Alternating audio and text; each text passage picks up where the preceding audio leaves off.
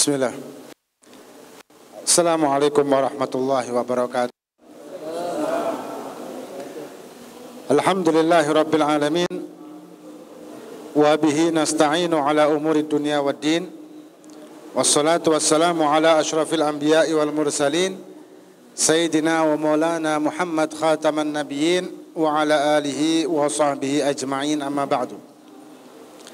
الحمد لله Kita masih diberi kesempatan oleh Allah Subhanahu wa taala untuk berzikir dan bersalawat kepada junjungan kita Nabi besar Muhammad sallallahu alaihi wasallam.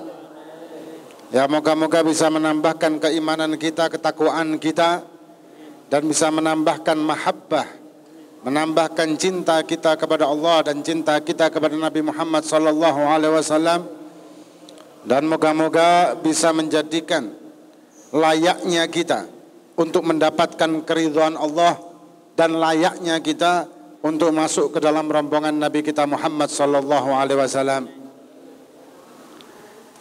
Dan hidup ini adalah pilihan. Selalu sering kita mungkin mendengar kata-kata seperti itu. Hidup adalah pilihan.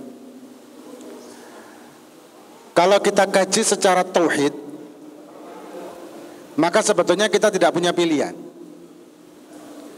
Akan tetapi syariat agama Islam itu tidak hanya terdiri dari tauhid, karena tauhid sebagai landasan. Ada rukun Islamnya dan ada rukun ihsannya. Ketika kita berlandaskan dengan tauhid dan meyakini bahwa segala sesuatu sudah ditentukan oleh Allah Subhanahu wa taala, ada fikih, ada tasawufnya yang mewajibkan kita untuk berikhtiar. Sedangkan kita wajib tahu dan wajib meyakini kalau ditentukan oleh Allah. Kok bisa seperti itu bagaimana? Jawabannya simple, secara akal saja. Adalah kita tidak pernah tahu apa yang Allah akan tentukan pada diri kita. Kita tidak pernah tahu apa yang Allah takdirkan sama kita. Maka kita diberi kesempatan untuk memilih dalam hidup. Dan pilihan cuma dua. Dalam dunia ini pilihan dua. Alam barzah pun ada dua pilihan. Dan yang menentukan pilihan di alam barzah adalah dunia iman atau kufur. Alam barzah, su'ul khatimah atau husnul khatimah. Akhirat, neraka atau surga. Hanya itu pilihannya. Nah, kemudian Allah menciptakan satu makhluk di dalam jiwa kita yang bernama hawa nafsu atau hawa sebetulnya. Karena hawa dan nafsu beda. Cuman kita lebih mengenalnya dengan hawa nafsu. Allah menciptakan untuk kelayakan pada diri kita. Layak apa tidak mendapatkan ridho maka diberilah kita makhluk sebagai ujian. Maka itu hawa ini seringnya menentukan pilihan dalam hidup kita. Entah itu pilihan yang baik tapi berujung buruk atau memang buruk berujung buruk juga. Karena hawa ini bisa menjadikan kita seolah-olah mendekat tapi sebetulnya menjauh. Dia bisa membuat semacam halusinasi. Seolah-olah kita sudah sampai tujuan padahal kita menjauh dari tujuan. Inilah hebatnya hawa yang ciptaan Allah taala. Banyak dalam kitab-kitab tasawuf yang menceritakan tentang hal ini. Nah, maka itu bagaimana supaya kita bisa menjadikan iman sebagai pilihan hidup bukan lagi hawa. Kalau kita buang hawa nggak mungkin. Bagaimana caranya membuang hawa ini? Kecuali para nabi dan rasul yang tempatnya hawa nafsu di dalam jiwa mereka, di dalam hati mereka, beliau-beliau tersebut sudah dibuang. Kalau kita membaca sirah kanjeng Nabi, ada riwayat dua kali Nabi dioperasi, ada riwayat tiga kali dioperasi. Ya, ada khilaf dalam hal itu. Dioperasi oleh para malaikat dan dibuang bagian tubuh, bagian hatinya yang ditempati oleh hawa nafsu. Sehingga Nabi tidak punya hawa. Sama sekali. Para nabi dan rasul tidak ada hawa sama sekali. Cuman kita bukan nabi, bukan rasul. Pasti ada. Siapa pun kita. Setinggi apa pun derajat kita di sisi Allah menjadi wali walaupun kutub sekalipun ada hawanya. Cuman beliau-beliau itu mampu mengendalikan dan mengganti pilihan hidup ini dengan iman, bukan lagi dengan hawa. Nah kembali ke pertanyaan tadi, gimana sih caranya? Caranya mudah. Dan Allah tidak akan pernah memberikan kita suatu masalah atau ujian kecuali kita mampu untuk menyelesaikan. Hanya kita mau apa enggak. Apa caranya? Lakukan kedekatan kepada Allah dengan cara yang benar. Itu aja. Simple. Lakukan kewajiban-kewajiban dan perkuat dengan vitamin-vitaminnya. Ibarat kata kewajiban adalah makanan pokok dan kita tidak mungkin hidup dengan makanan pokok aja. Kita butuh nutrisi, butuh suplemen, butuh vitamin. Maka perkuat dengan itu semua. Apa vitamin suplemennya? Ya seperti yang kita lakukan sekarang. Zikir, solawat, istighosah, atau khalwat mungkin amalan para sufi. Dan dikir-dikir tersebut bisa menggetarkan hawa di dalam jiwa kita hingga dia melemah. Cuman si hawa ini kan tidak akan diem. Maka dia berusaha untuk bagaimana caranya zikir itu hanya sekedar gema yang tidak berarti di dalam jiwa kita kita berzikir dengan lisan tapi ternyata hati kita tidak. Makanya kata Imam Ghazali, orang zikir itu ada tiga macam. Ada zikir yang paling rendah adalah zikir bil lisan. Yang nomor dua adalah zikir bil galb dengan hati. Yang paling puncak adalah zikir bil galbi lisan. Sinkron antara zahir dan batin. Sama dengan kita ketika kita sholat. Ketika kita sholat lima waktu, maka ada sholat zahiran dan ada sholat batinan. Dan dua-duanya harus sinkron. Kalau kita tinggalkan salah satu, maka kita tidak akan merasakan dhoknya sholat. Dhok ini bahasanya orang sufi ya. Kalau di sini insya Allah sudah kenal kata-kata dhok. Kita tidak akan pernah mampu untuk merasakan atau tidak pernah mampu untuk menikmati dhoknya sholat. Dhoknya ibadah termasuk zikir. Ketika kita zikir hanya zahir, kita tidak akan merasakan toknya. Ketika zikir hanya sekedar formalitas saja, maka kita tidak akan bisa merasakan toknya. Apalagi zikir-zikir seperti tahu kalimat la ilaha illallah, kalimat Allah, kalimat hu. Yang mana itu juga merupakan amaliyahnya Al-Imam Al-Habib Abdullah Al-Aidrus bin Habib Abu Bakar As-Sakran bin Habib Muhammad bin Habib Abu, bin Abdul Abdurrahman Assegaf bin Muhammad Maulad Dawilah. Pertama kali yang dijuluki Alidrus dan mempunyai keturunan Alidrus di seluruh dunia adalah beliau Habib Abdullah Alidrus ini. Maka dijuluki Al-Imam Al-Habib Abdullah Alidrus Al-Akbar. Karena pertama kali yang dijuluki Alidrus. Zikirnya beliau La ilaha illallah Allahu 120 ribu. Kalau kita mungkin 12 kali aja cukup ya. Hah? Kalau 12 ribu, 12 ribu masih mikir. Ini 120 ribu. Hingga beliau merasakan doknya ini bukan cuma di hati. Ada mungkin beberapa torigoh ya, itu mengajarkan zikir dengan merasakannya di hati sebelah ini atau dadanya sebelah ini. Ada seperti itu ya, macam-macam. Torigoh kan macam-macam juga. Tapi beliau berzikirnya itu sampai merasakan doknya, doknya zikir itu dari ujung rambut sampai ujung kaki. Itu kehebatan orang-orang yang memang dia berusaha menekan hawa nafsunya, mengalahkan hawa nafsunya, mengendalikan hawa nafsunya, dan menumbuhkan iman hingga dia merasakan apa yang dia lakukan. Kita bisa melakukan sesuatu tapi tidak merasakan, sering juga. Kita sholat tapi tidak merasakan sholat, sering juga. Kita ngaji, zikir tidak merasakannya, sering juga. Apalagi kalimat-kalimat yang kita sebutkan tadi luar biasa. Walaupun kapan hari itu ada ada ada masalah ya yang ada zikir hu itu ada ada yang protes ya. Ada yang protes.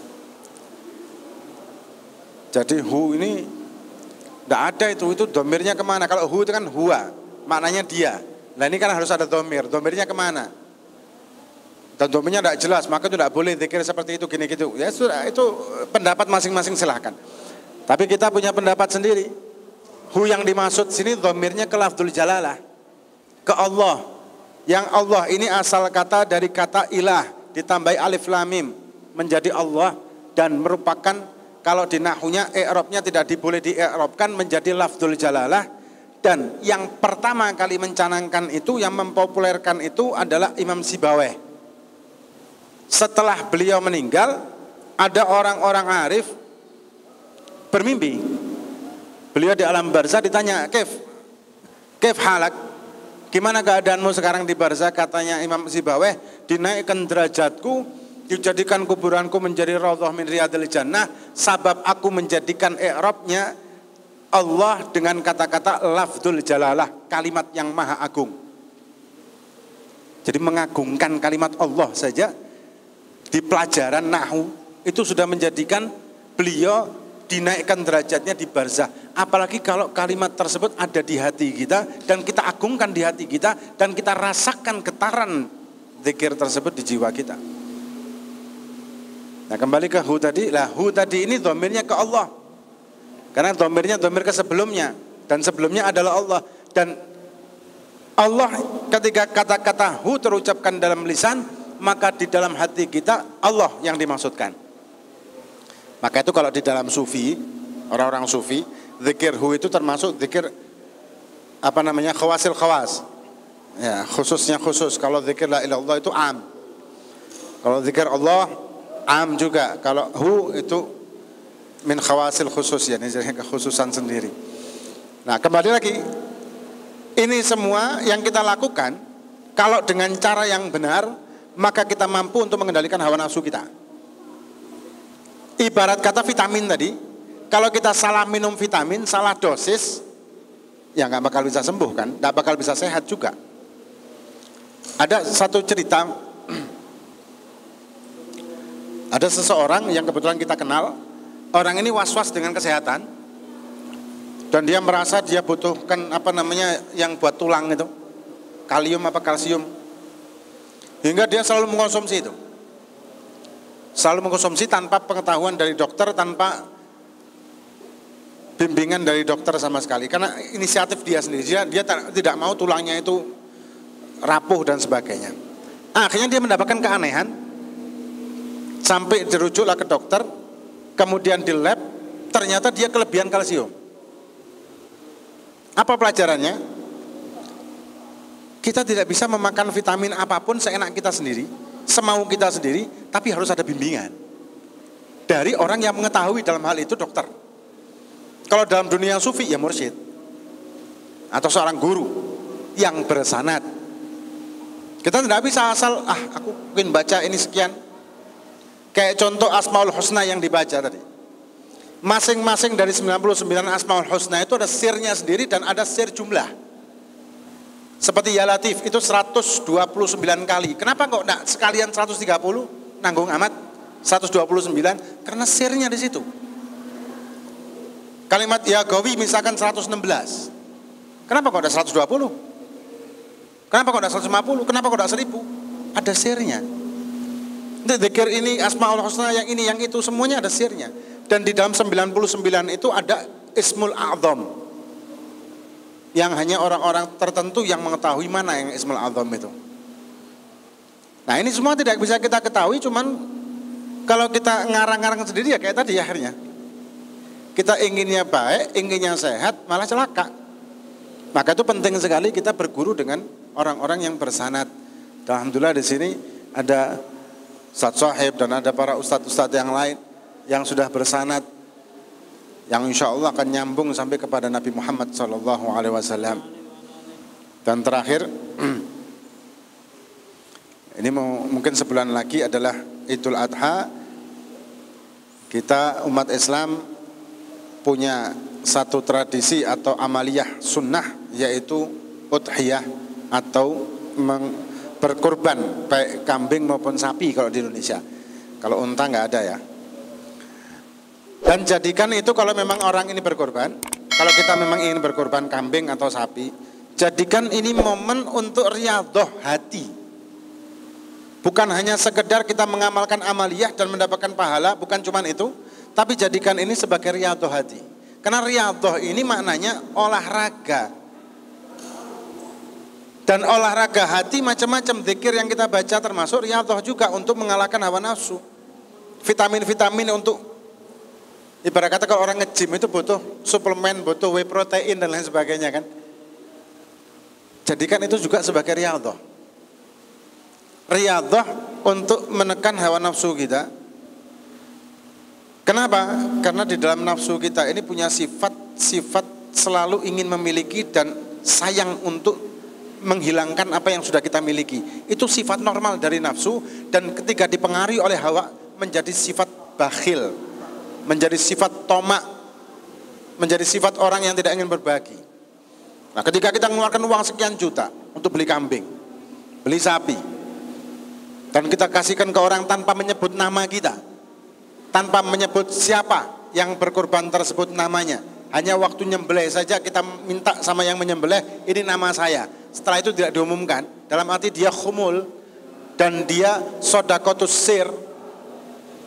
Ini bisa mengendalikan hawa nafsunya sekali lagi. Karena nafsunya pasti ingin merasa, oh ini loh aku sudah korban sapi yang harganya sekian. Ini loh sapi atau mungkin nanti update status dengan profilnya dia, selfie sama sapinya. Ini justru amalia-amalia yang seperti itu justru di, dipengaruhi oleh hawa nafsu. Betul dia beramal tapi hancur amalnya. Kenapa? Karena ada ujub dan kibirnya. Maka itu jadikan setiap amal itu sebagai riyadhah. Baik amal wajib maupun amal sunnah. Bahkan amal mubah pun bisa dijadikan riyadhah. Tergantung niatnya. Dan inilah Rahman Rahimnya Allah Subhanahu wa taala, Allah memberikan kita jalan yang sangat banyak menuju ke ridhonya. Bukan hanya satu jalan, tapi banyak jalan. Yang penting kita tahu urutannya. Utamakan wajib, kemudian sunnah. Itu urutannya. Qadimul wajib al mandub. Ketika kita mengutamakan sunnah daripada wajib, salah. Atau kita menganggap sunnah itu untuk mencapai wajib, keliru juga. Karena wajib yang utama, pokok yang wajib ini, kemudian sunnah adalah vitaminnya. Atau ada lagi yang mungkin, mungkin punya pikiran, loh kita ini kalau melaksanakan wajib harus mengenal dulu, mengenal Allah dulu baru melakukan yang diwajibkan. Maka itu perlu sunnah dulu untuk mengenal Allah, perlu zikir untuk mengenal Allah. Ini keliru juga. Karena sampai kiamat gak bakal kenal sama Allah kalau kita tidak melakukan perintahnya. Melakukan perintahnya merupakan suatu kewajiban mutlak dan amalia-amalia zikir, solawat dan sunnah-sunnah yang lain merupakan penguatnya dan vitamin yang sudah kita bahas tadi. Ya, moga-moga kita semua diberi oleh Allah hidayah dan taufiknya, diberi kekuatan iman dan takwa, diberi tambahan mahabbah, tambahan cinta, dan moga-moga hati kita diberi oleh Allah SWT kelapangan hati kita dan bisa sinkron ibadah zahiriyah dan batiniah kita hingga kita nanti di yaumil kiamah dibanggakan oleh Nabi Muhammad SAW dan masuk ke dalam rombongan Nabi kita Muhammad SAW dipimpin para guru-guru kita, para masyayikh kita, para habaib, para kiai kita. Wallahu a'lam bishawab. Al-Fatihah.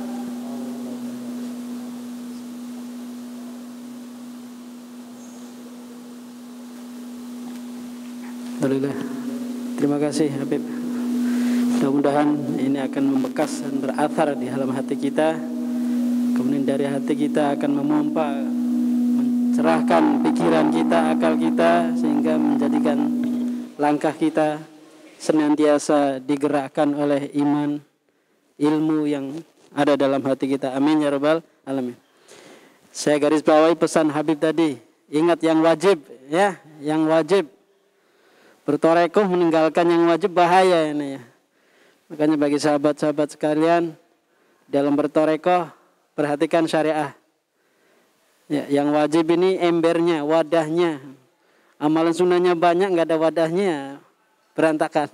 Naudzubil, naudzubillah. Alhamdulillah, mari kita bersama-sama kita tutupin bersama acara ini dengan baca doa khusul khotimah.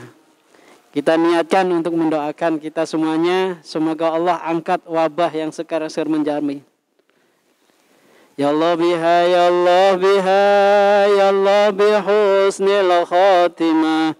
Ya Allah biha, ya Allah biha, ya Allah bihusnil khatimah.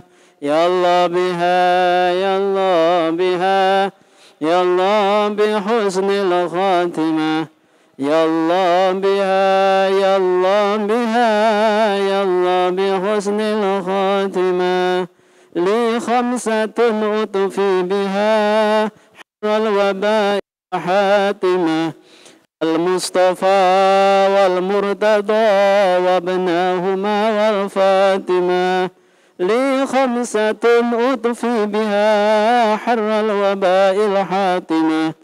المصطفى والمرتضى وابناهما وفاطمة لي خمسة أطفي بها حر الوباء الحاتمة المصطفى مرتضى وبناهما وفاطمة.